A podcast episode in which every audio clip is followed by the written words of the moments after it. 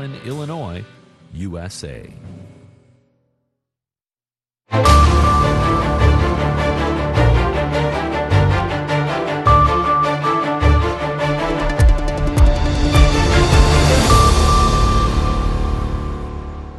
halkani waa washington laanta afka soomaaliga idaacadda v o a oo aad ka dhagaysanaysaan mawjadaha gaaggaaban efemyada geeska afrika iyo caalamka oo dhan oo aad nagala socotaan v o a somaly com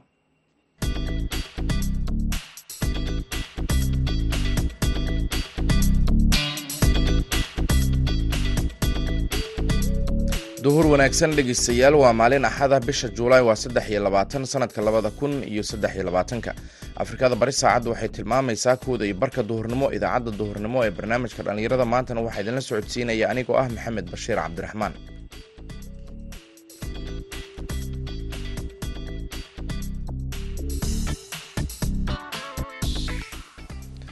qodobada dhegeystayaal aad ku maqli doontaan idaacaddeenna duhurnimona waxaa ka mid a magaalada baydhabo oo ay gaareen gaadiid sida badeecooyin kala duwan kadib markii muddo laba toddobaad ku dhow ay kooxda shabaab xirtay waddooyinka gala magaalada baydhabo. Waxaad kaloo maqli doontaan barnaamijka hibada iyo halabuurka oo aan diiradda ku saarayno waraysi ku saabsan dhallinyarada muqdisho ka hirgeliyay goobaha jirka lagu dhiso. Sababta lagu kaliftaa waxay tahay qofka qof wuxuu rabaa inuu isdhisoo rabaa qof wuxuu rabaa inuu miisaan iska rido. Soomaaliya midda keliya lagu qaldaa waxay tahay in miisaan laga rido suurtagal maan. Qofka waxaa suurtagal ah caloosha inuu iska ridoo rabaa. Caloosha keliya macquul ma inay hal mar dhacdo. Waxaa macquul ah jirka asi dhan isla wada socdaa. Caloosha keliya hal mar ma dhac heesihii iyo qodobo kale ayaan idiin haynaa balse intaasi oo dhan waxaa ka horeynaya warkii caalamka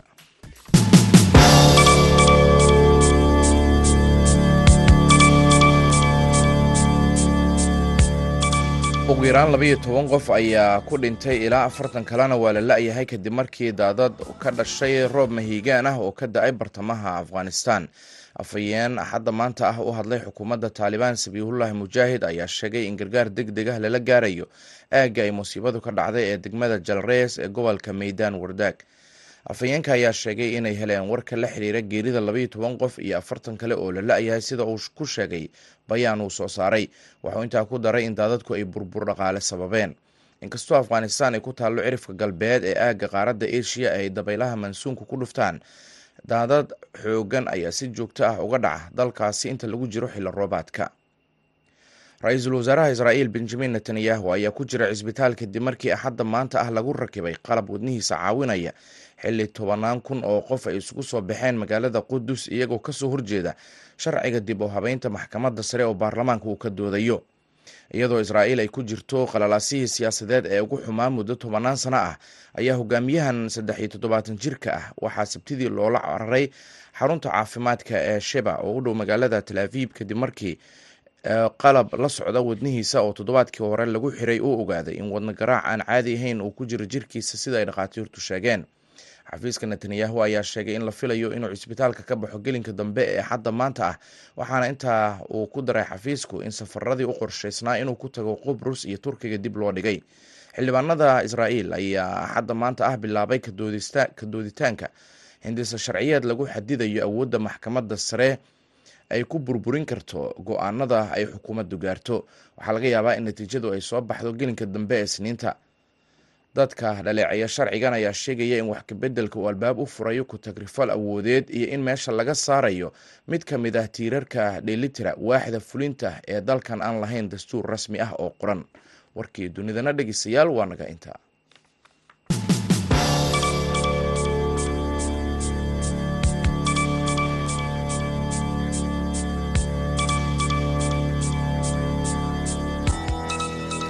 halka dhegeystayaal wararkaasi aad kala socotaan waa laanta afka soomaaliga ee v o a oo si toos ah idinkaga imaaneysa washington. Markana waxaad ku soo dhawaataan barnaamijka hibada iyo halabuurka waxaana magaalada muqdisho ku soo diyaariyey wariyaha v o a cabdiqaadir maxamed cabdulle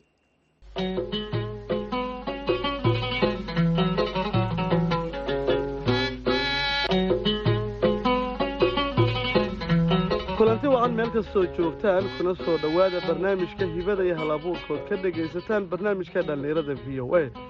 Toddobaadkana barnaamijka hibada ee hal abuurka waxaannu si gaar ugu eegi doonaa bal muqdisho waxaa ku soo badanaya meelaha lagu sameeyo jimicsiga jirdhiska ee loo yaqaano jiimka dhallinyaro badan ayaa maskaxda shiilay oo sameeyey arrinta la xiriirta goobaha jirdhiska ee jiimka loo yaqaan cabdiquduus sheekh shuute waa macallin jiim. Wuxuu u sheegay barnaamijka dhallinyarada gaar ahaana madashu in dhallinyaro badan hadday la yimaadeen hibooyin kala duwan oo la xiriirta gaar ahaan hal abuur in la sameeyo jimicsi qaybihiisa kala duwan si loo dhiso jirka dadka. Tanna ay qayb ka tahay jir fayow iyo maskax fayow. Bal markay timaado hal abuurka jiimka ee magaalada uu ku soo badanay muddooyinkii dambe sidee buu ku suuro galay nin cabdiqaadir marka hore waa ku salaamayaa salaan kadib aadaad u mahadsan tahay inay igu casuunto barnaamijka v o a. Boqolkiiba boqolaad mahadsan tahay marka hore xamar waad garanaysaa. Dadka dhallinyarta markaa eegtid waxyaabo kale lagu mashquulsan yahay. Marka jiimka wuxuu ka mid yahay waxyaabaha ugu fiican ee adduunka la sameeyo. Marka waxa waaye dadka badanna ma yaqaanaan. Soomaali badna maysan aqoonin. Marka waxaa aada u sii badanaya hadeertaan jiimaka meel badan laga furay aniga hadeertaan aan kula hadlayo waxaa macalin ka ahay jiimka beerta nabadda. Marka waxa weeye dhalinyaro badanaa ka soo qayb gasha laakiin marka hore maysan haysanin inay imaadaan maysan haysanin jiim maba furneenba. Marka hal abuurkan in jiim la sameeyo ama macalimiin dhalinyaro ah oo jirdhiska ku wanaagsan ay yimaadaan sidee ku timid? Maaragtay saydi kuu dhiiriyaadi ku dhiirigeliyey wallaahi qof gooniyo nagu dhiirigeliyey ma lahan. Ma aragtay adduunka marwalba marka sii dambeys horumaroo sii sameynayaa marka xamar markaa u fiirsato hadeertaan waxay ka mid tahay waddamada horumarka zaadka u sameynaya soomaaliya markaa fiirsato. Waagi hore waxaan dhamaba la aqoonba hadeertaan wax la barto hadeertaan ku soo kordhay waaye. Marka dhalinyartana waxay u badnaayeen inay meelaha iska shaaxeeyaano wax walba laiska cuno laakiin hadeertaan qof walba wuxuu cunaya ugu dhiila tiraa marka cunada uu cunaayo waa cunno gooni ah waa laiska baaraa. Mataqa inta brotiin ay tahay inta wax ay tahay. Qof walbo cunada asoo iska baarin ma cuno marka waagi hore waxaa samaysan jiri jirin qof walba wuxuu arku iska cuni jiray laba kiilo bariis baasto wax walbaa laiska cuni jiray. Laakiin hadeertaan waxaa la cunaa laba qaandoo bariisa inta kale waa brotiin marka waxa waxay u badan tahay dhalinyarta in badnaa in la qabsanayaan. Horumarna waa sii samaynaynaa. Intaan in ka badan waa rajeynayna anaa sii samayno. Marka hal abuurkan xaguu ka yimaadaa ma wax la xiriiro daraasaad la sameeyo ma maaragtay ma ma baraha bulshada iyo internetka ka faa'iidaysataan. Dabcan waad ku soo badanaysaan magaalada haa waa run laakiin haddana cilmigan xaggeed ka helaysaan. Cilmigan horta marka qofka markuu rabo inuu wax barto internetaa jiro. Adduunku waa horumaray sida hore ma ahan. Wax walba waa u baahan taha waxaa ka helaysaa internetkaas. Wax walba aa qortid waa helaysaa. Qofka hadeertaan waxaa ka mid ahay dhalinyarta badnaa samaysa dhaayadka wax loo yaqaano. Marka in dhaayadka markaa u fiirisid ilaa heer caalamiyuuliya waa la bartaa. Marka barashada ka sokow internetka ka baran jirnay laakiin hadeertaan waxaa soo batay meel la furayaa jira hadeertaan aan rabna inaan furno aniga wiilaa saaxiibo nahay. Marka wax keliya lagu sameeya jiim ma ahan meesha. Qofku wuu imaanayaa miisaana la saarayaa waa la cabirayaa wax keliya la qaadanaya waxay noqonayaan miisaankiisa iyo dhirirkiisa inta mataqaana cayilkiisa la isku fiirinayaa. Marka muhiimadda aan ka lehnahay dhan waa intaas. Meesha waxaa u fur rabnaba waa intaas. Waxa waaye qofka waa la isku dheelitirayaa. Dhirirkiisa inta uu yahay hadduu yahay mitir mataqaana kilogramkiisa waxbaa dhan waa la isku dheelitirayaa. Marka wax badnan waxay ka socdaa internetka weeye. Hadeertaana waxaa rabnaa inaa soomaaliya kadi aan ka furnaba. Hadduu ilaahay marka hal abuurkan inaad meel jimicsi furtaan ha laakiin haddana si gaara dhaydka u samaysaan inaad si gaara dadkii maxaadi ku dhaliy dabcan hal abuurkan sababta ugu weyneed maxay ahayd? Magaalada jim uu ka jira waa la ordaya waa la alimeteynayay laakiin hadda waxaa moodaa inaad waqti gaara siinaysa sababta nugu kaliftaa waxay tahay qofka waxa qof wuxuu rabaa inuu isdhisoo rabaa qof wuxuu rabaa inuu miisaan iska rido. Soomaaliya midda keliya lagu qaldaa waxay tahay in miisaan laga rido suurtagal maan. Qofka waxaa suurtagal ah caloosh inuu iska ridoo rabaa. Caloosha keliya macquul ma inay hal dhacdo waxaa macquul ah jirka asi dhan waa isla wada socdaa. Caloosha keliya hal mar ma dhacdo jirkii o dhan isla wada dhacaya. Marka waxa waxay u baahan yihiin soomaalida in la fahamsiiyo. Dhalinyartii waxaa lagu qayaana waxaa ka mid tahay mataqaana aniga hadeertaan jiimka macalinka ah waxaa sameeyaa qofkii bishii toban kiilo ku rida hadiyadaa siiyaa ciyaalku qof walba wuxuu isku dayaa marka lacagtaas inuu asiga qaato hadiidaas inuu asiga qaato. Marka wuu dadaalaa bil friin wuu leeyahay jiimka wuuna dadaalaa tobankaas kiil inuu iska rido. Marka waxa nagu dhaliyaa waxay tahay dhalinyarta inays dhisaanna way rabaan mataqaanaa cunada la cun lahayn ma yaqaanaan.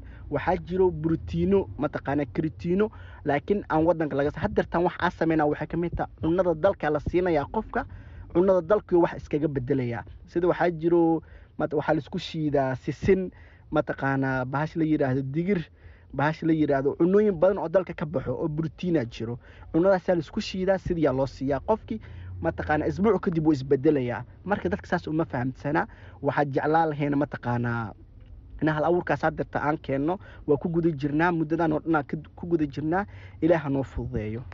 Marka fahamku intuu leegya wallaahi fahamkiina aad wax aad u fara badan weeye waad dareemi kartaa wax mataqaanaa markii aa muddo ku dhex jirtid.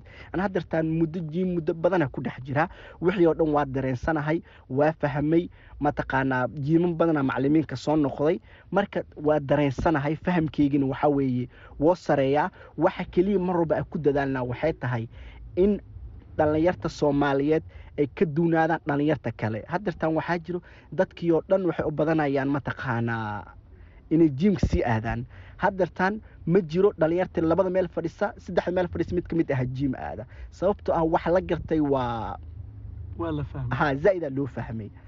Marka annagana hadeertaan taasaa ku guda jirnaa ilaahay garabkeena ha galo ma aragtay muqdisho say hadda tahay wax badana iska bedeli doontaa. Marka dhaayidkan aan sameyno kadib dad badan waa noogu soo laaban doontaa insha allah. Dad badanna mataqaana dhaayadka ah ka saxna waa wareysan doontaa jirkooda soo isku bedelaysay ahaayeen. Wixii oo dhan waa arki doontaa. Marka inaad in dhalinyaro badan aada haysaan la fahmay marka laga yimaado ujeedku dadku ma inay saqaateeyaanba ma ma tartan kalaa jiro suuqa quruxdi laakiin dumarkuba ku jiraan haa dumar badan way jiraan. Barbalemka wuxuu ka imaada waa dumarka. Dumarku waxay kuleeyihiin markaa shukaansatidoo kale waxaa rabaa nin calool yaroo dhax yaroo si isbaag lahoo shaf lahoo ika qaadi karo waxyaabo badan ay tirsadaan. Moogta marka hadeertaan dhalinyarta waxay badnaan jiimka u sameeyaan waa dumarka daraadooda. Marka howlaa loo soo diray. Marka raggina hadeertaan waxay bilaawayaan dumarka inay homework u diraano ma aragtay. Iyagana ay gelshaan ciyaarta marka jiimka dumarka hadda aaday uga soo fara badanayaan maadaama aysan badneen laakiin jiiman badan waxaa jiro oo wakti dhan dumar loo gooyey. Subaxdii raggaa soo gala duhurkii ha macalimiinaa joogo oo mataqaan dhaayid ka kaasaxayo oo wax walba u diyaarsan. Bal ka waran meeshaad u socotaan ujeedka ugu dambeeyo makula tahay in dadku fahamku badan doono. Hadeertaan fahamka sida hore wuu ka sii batay. Hadeertaanna waxaa rajeynaynaa meesha hadda aad taagannahay boqol jibaarkeeda inaan gaari doono insha allah bal noo sharax oo sidee ah? Jiimka dhalinyaro yaraa aada boqolkiiba haddii la fiiriyo qofka dad qaar waxaa jiro ee u tahay sida balwadii oo kale. Hal maalin hadduu ka tago waa xanuunsanayaa marka dhalinyaro badanna waxaa jira jiim markay maqlaan ka caajisan oo mataqaanaa dadka ka caajisan ma dareensan faa'iidaday leedahay. Maruu dareemi doonaa markii ay mataqaanaa barbaleem uu ku dhaco kale ilaahay kuma riday markii mataqaanaa qofka hadeertaan markuu jirkiisa aan dheeli tirnayn waxyaabo badan oo waxaa jiro. Hadeertaan dad badan ka cawaada ayaa jiro kabaha inay xirtaan. Mataqaanaa kaba buutiskoo kale ma xiran karaan sababtoo calooshaa ka soo horeysa. Ha culays jira awgood way ku dhiban yihiin. Marka hadeertaan waxaa aad ugu dadaalaynaa dhalinyartaas inaa fahamsiino mar walba waa fahamsiinaa waa ku dadaalnaa inay jiim ka galaan. Ma aragtay tartanka hadda aa bilaabna kuu sheegayo oo lacagta lagu qaato. Waxa waaye aadaa loogu soo batay. Maalin walba toban iyo ka badan aa nagu soo ziyaada. Jiimku ma in maalin kasta la aadaa mase waa waa wax maaragtay maalmo gaara la aadi karo. Sidee ku habboon ugu wanaagsan oo loo aadaa? Wallaahi maalin bini aadeed muhiim ma ahan qofka bini aadanka hadduu iska soxo oo mataqaanaa trainingyana sameeya hadduu hadda sabtiyoo kale haddoo sameeyo axad wuu nasan karaa isniinuu geli karaa talaadoo nasan karaa arbacoo geli karaa. Dad qaar saasay u sameeyaan laakiin waxaa qurux badan jirkaaga inoo barto mar walba aad samaysid si mataqaanaa jirkaaga istiilkiisa oo u saxma ma aragtay. Dharka markaa geysto kaaga soo muuqda fanaanada markaa geystid la dhihi karo alla ninkan qurux badnaa oo jir qurux badnaa in la dhihi karo. Marka wax hadeertaan loo baahan yahaba taas eba dumarka maadaama taas wax ay noogu dhigeen in mataqaanaa ay xoogga saarayaan haddirtaan in jiim la aado. Waxa waaye waxaan way noogu jirtaa caafimaad ahaanna way noogu jirtaa maskax biyoyna way noogu jirtaa wax noo fiican waaye oon aad noogu qurux badanba ha aad aadaynuu dhiirigeliya aadayn u mahadsan yihiin dumarka soomaaliyeed caafimaadka oo kale dadka strooga ku dhiftay dabcan caafimaad qayb buu ku marka intee la eg tahay faa'iidada caafimaad uu leeyahay. Wallaahi faa'iidada caafimaad uu leeyahay. Horta soomaali wax aad u lahay haddartaan waxaa ka ah sida kolestaroolkii oo kale. Ma aragtay qofka cuno iska cunaya difino iska cunaya wuu ku nastaa wuu fariistaa. Marka haddii aa wax yar samaysid oo kale mataqaana dhaqdhaqaaq haddaa samaysid jiimka wuu u fiican yahay. Sababtoo haddaa guriga haddaa soo dhigid daalo mashiinka lagu ordo wuu ku caawinayaa. Haddaa intaas mashiinkaas haddaa ku orodid wax haddaa cuntid muddo aa nasatid mashiinkaas aa kurtid jirkaaga wax badanaa iska bedelayaa marka tusaale ahaan socodka oo kale ama orodku intee loo baahay maalinta wallaahi ma qof walba sii weeye mataqaanaa qof wuxuu ordaa toban toban mataqaanaa toban toban minidoo ordaa qof wuxuu ordaa labaatan qof soddon qof walbo laakiin minimum inaa ordi kartid soddon daqiiqo joogtaa inaa ordi kartid. Maalinkii haa. Mhm. mataqaanaa inaa kurtid aad jirkaagii gubtid. Waa wax adigana kuu fiican caafimaadkaagana u fiican maskaxdaadana u fiican. Marka inaa mashiin ku ordayn qofku inuu socdo oo waddooyinka iyo goobaha bannaan garoommadu teeba faa'iido badan wallaahi haddirtaa maba la heli karaaba haddaa qofku uu socon kara waqti aan loo helayn mataqaana in aad socotid soddon daqiiqo mataqaana ka badan inaad socotid. Waxa waxaa ka muhiimsan inaad jiim tagtid soddon daqiiq masiinkaas aa ku orod haddaa waqtiga helaysid waxaa ku xamar meeshaa ka aadi kartid ka aadoo xoogaa wuu fiican yahay. Inaad socodka caadigaa fiican mataqaana mashiinka iyo socodka socodka caadigaa fiican. Haddaaba heli kartid soco. Ugu dambeyn maxaad ugu baaqi lahayd dhallinyarada dhalinyar waxaa uu baaqi lahaa waxaa ugu baaqi lahaa in mataqaanaa jiimama xamar meel walbay ka furan yihiin. Qof dhihi karta ma laha tirtaan jiima iga fog mise jiima saas iga ah qof walba jiimku uu dhow yahay. Marka waxaa waxaa u sheegi lahaa waxaan ugu baaqi lahaa inay ka faa'iidaystaan waqtiga haddartan ay haystaan. Jaaniska hadda aa haystid maku soo maraayo. Waqtigan haddartan haddartana arkaysa aduu gaartay afartan jir mana samayn kartid oo mataqaanaa mashquulkaagaa sii badanaya. Haddartan waa yar tahay jirkaaga ka ilaali mataqaanaa faad ka badan ka ilaali isqurxi adigay dan kuu tahay maskaxdan mataqaanaa caafimaaday u tahay. Aad buu u mahadsan yahay cabdiqaduus sheekh shuute barnaamijkii hibada iyo halabuurkood ka dhagaysanayseen barnaamijka dhallinyarada v o a. Ayuu marti noogu ahaa wuxuudi kaga imaanay magaalada muqdisho waxaana si gaar ugu eegayna bal toddobaadkan. Hal abuurka la xiriira dhallinyarada samaysa jimicsiga oo ku soo badanaysa muqdisho iyadoo goobaha jiimkuna ay soo badanayaan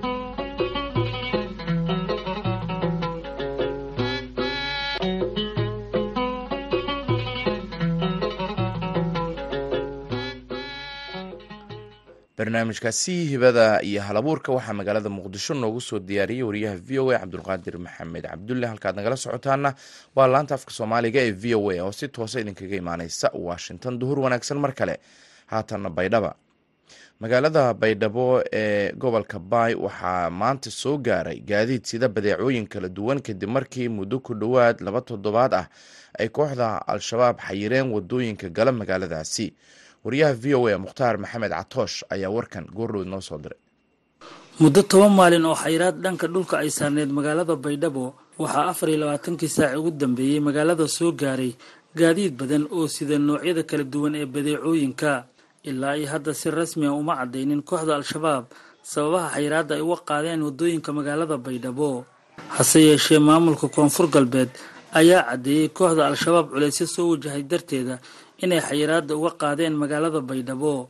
La taliyaha madaxweynaha koonfur galbeed dhanka saxaafadda maxamed sheekh cabdulaahi xayow oo shir jira-id ku qabtay magaalada baydhabo ayaa sheegay wadahadal ay galeen madaxweyne lafta gareen iyo kooxda al-shabaab inaysan ku furmin waddooyinka magaalada baydhabo. Balse kooxda shabaab maslaxadooda ay ka arkeen inay furaan waddooyinka magaalada baydhabo dowladda koonfur galbeed inti walhabiyaraata korgortan enku galaana waana unku galna al-shabaab shabaab tabartiis iyo weeli baaburta intii hadhidi maslaxadiisi dantiisu isku arag weli imaan dowladaha muxuu ahaa saaxiibada unaana oo duqeymo ku jeesidi oo taasoo yani hafururayt iyo go'aanka dowladda koonfur galbeed markii oo dhabta ee la argay iyo duqeymihii la subi markii la argay shabaab bantiis weli ku fahmaya ini baabartaas ku dhigo laa walkala wadahadala la gali iyo.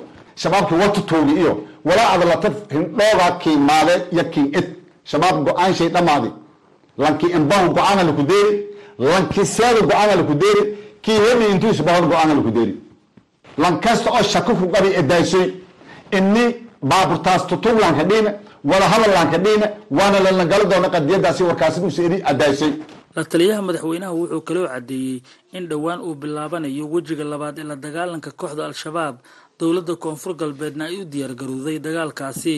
Dagaalkan hata la sheegay weli ka horreeya oo gala doona golaha wasiirada. Wasiirkastis jantiis oo waardeeye yo wadade ibaaburshay furunto koowaad in dagaalka yoo gala doon haddii ilaah yaro xildhibaanada hal qof oo meel sugnaadi doono male xildhibaan kasta werigaba ha dhagaaga doon.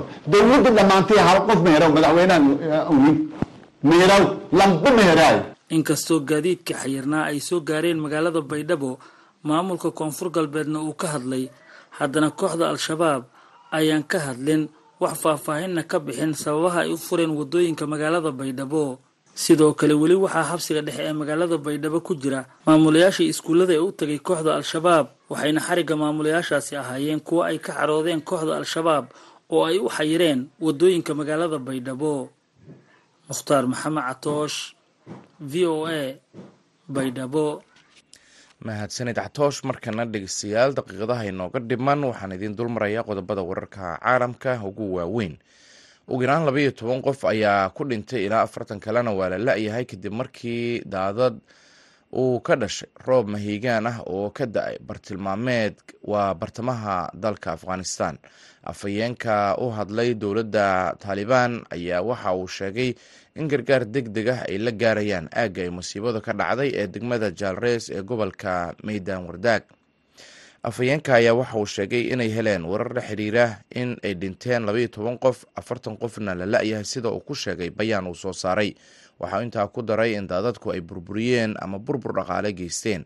Inkastoo afghanistan ay ku taallo cirifka galbeed ee aagga qaaradda asia ay dabaylaha maansuunka ku dhuftaan dalkaasi ayaa waxaa inta badan halakeeya daadad joogto ah oo xoogan kuwaasi oo ku yimaada xilliga lagu jiro xilli roobaadka ra'iisul wasaaraha israa'iil benjamin netanyahu ayaa ku jira cisbitaal kadib markii axadda maanta ah lagu rakibay qalab wadnihiisa caawinaya xilli tobanaan kun oo qof ay isugu soo baxeen magaalada qudus iyagoo ka soo horjeeda sharciga dib u habeynta maxkamadda sare oo baarlamaanka israa'iil ka doodayo. Iyadoo israa'iil ay ka jirto qalaalasihii siyaasadeed ee ugu xumaa muddo tobanaan sano ah ayaa hogaamiyahan saddex iyo toddobaatan jirka ah waxaa sabtidii loola cararay cisbitaalka ku yaalla magaalada talaaviib kadib markii qalab la socda wadnihiisa oo toddobaadkii hore lagu xiray uu ogaaday wadna garaac aan caadi ahayn sida ay dhakhaatiirtiisu sheegeen xafiiska netanyahu ayaa sheegay in la filayo inuu cisbitaalka ka baxo gelinka dambe ee axadda maanta ah waxaana uu intaa ku daray in safaradii u qorshaysnaa inuu ku tago qubrus iyo turkiga dib loo dhigay. Xildhibaanada ayaa axadda maanta ah bilaabay inay ka doodaan hindise sharciyeed lagu xadidayo awoodda maxkamadda sare ay ku laali karto go'aanada ay xukuumaddu gaarto. Waxaa laga yaabaa in natiijada codaynta hindise sharciyeedka ay soo baxdo fiidnimada isniinta dadka dhaleeceeya sharcigan ayaa waxa ay sheegayaan in wax kabeddelka hanaanka garsoorku uu albaab u furayo ku tagrifal awoodeed iyo in meesha laga saaro mid ka mid ah tiirarka dheelitira waaxda fulinta ee dalkan aan lahayn dastuur qoran oo rasmi ah. Warkii dunidana dhegeystayaal waa naga intaa haatanna dhinaca kaalmaha heesaha ayaanu jaleecina waxaan idiin soo qabanaynaa codka baxsan ee fanaanka maxamed b k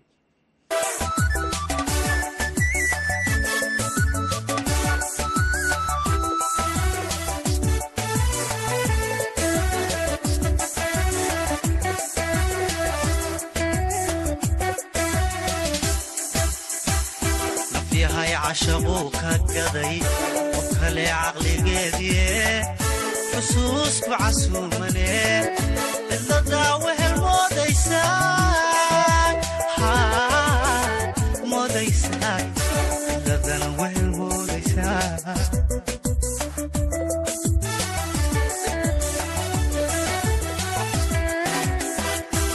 yahay cashaquu ka gaday qof kale caqligeedie xusuusku casuumane. Cidladaa wehel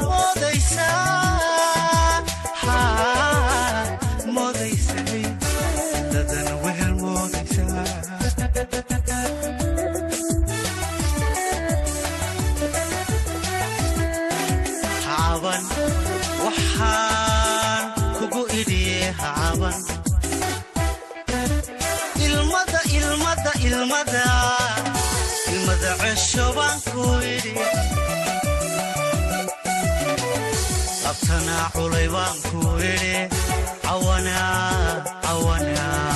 cawana tasho baan ku idhi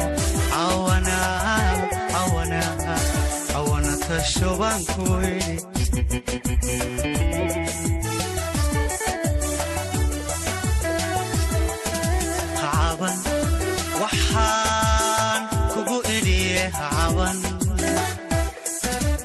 ilmada ilmada ilmada cesho baan ku idhi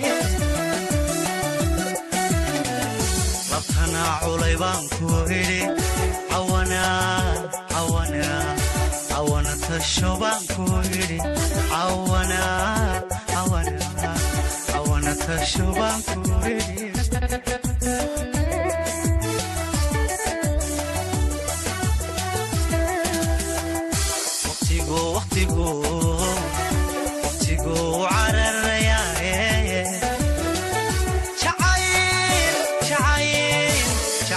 jacayloo calhelay ka jar kabagoo caloosho nolosha cusub soo dhawee nolosha cusub soo dhawee nolosha cusub soo dhawee nolosha cusub soo dhawee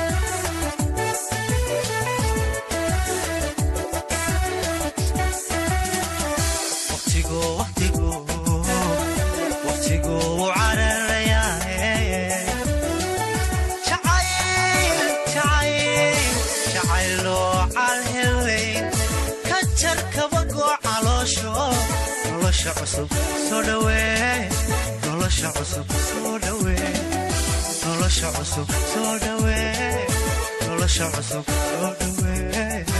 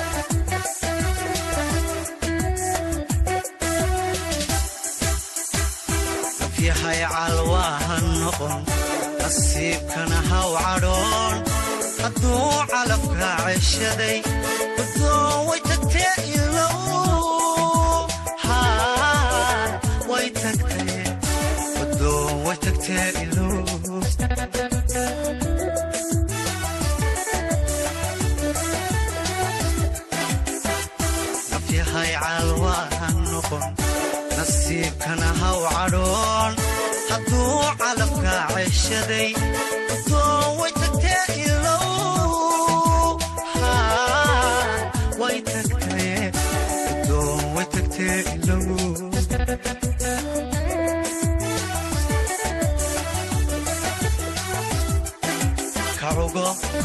waxaan kugu idhi kacugo gayaanka gayaanka gayaanka calmabaan ku idhi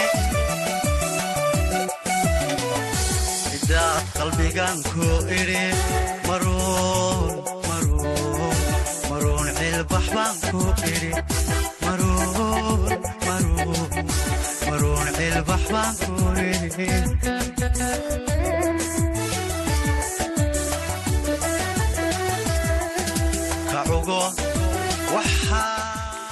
codkaasi maxamed siciid b k wuxuu gebagabo u yahay idaacaddii duhurnimo ee barnaamijka dhallinyarada maanta. Tan iyo kulanti dambe dhegaystayaal waxaan idin leenahay nabadgelyo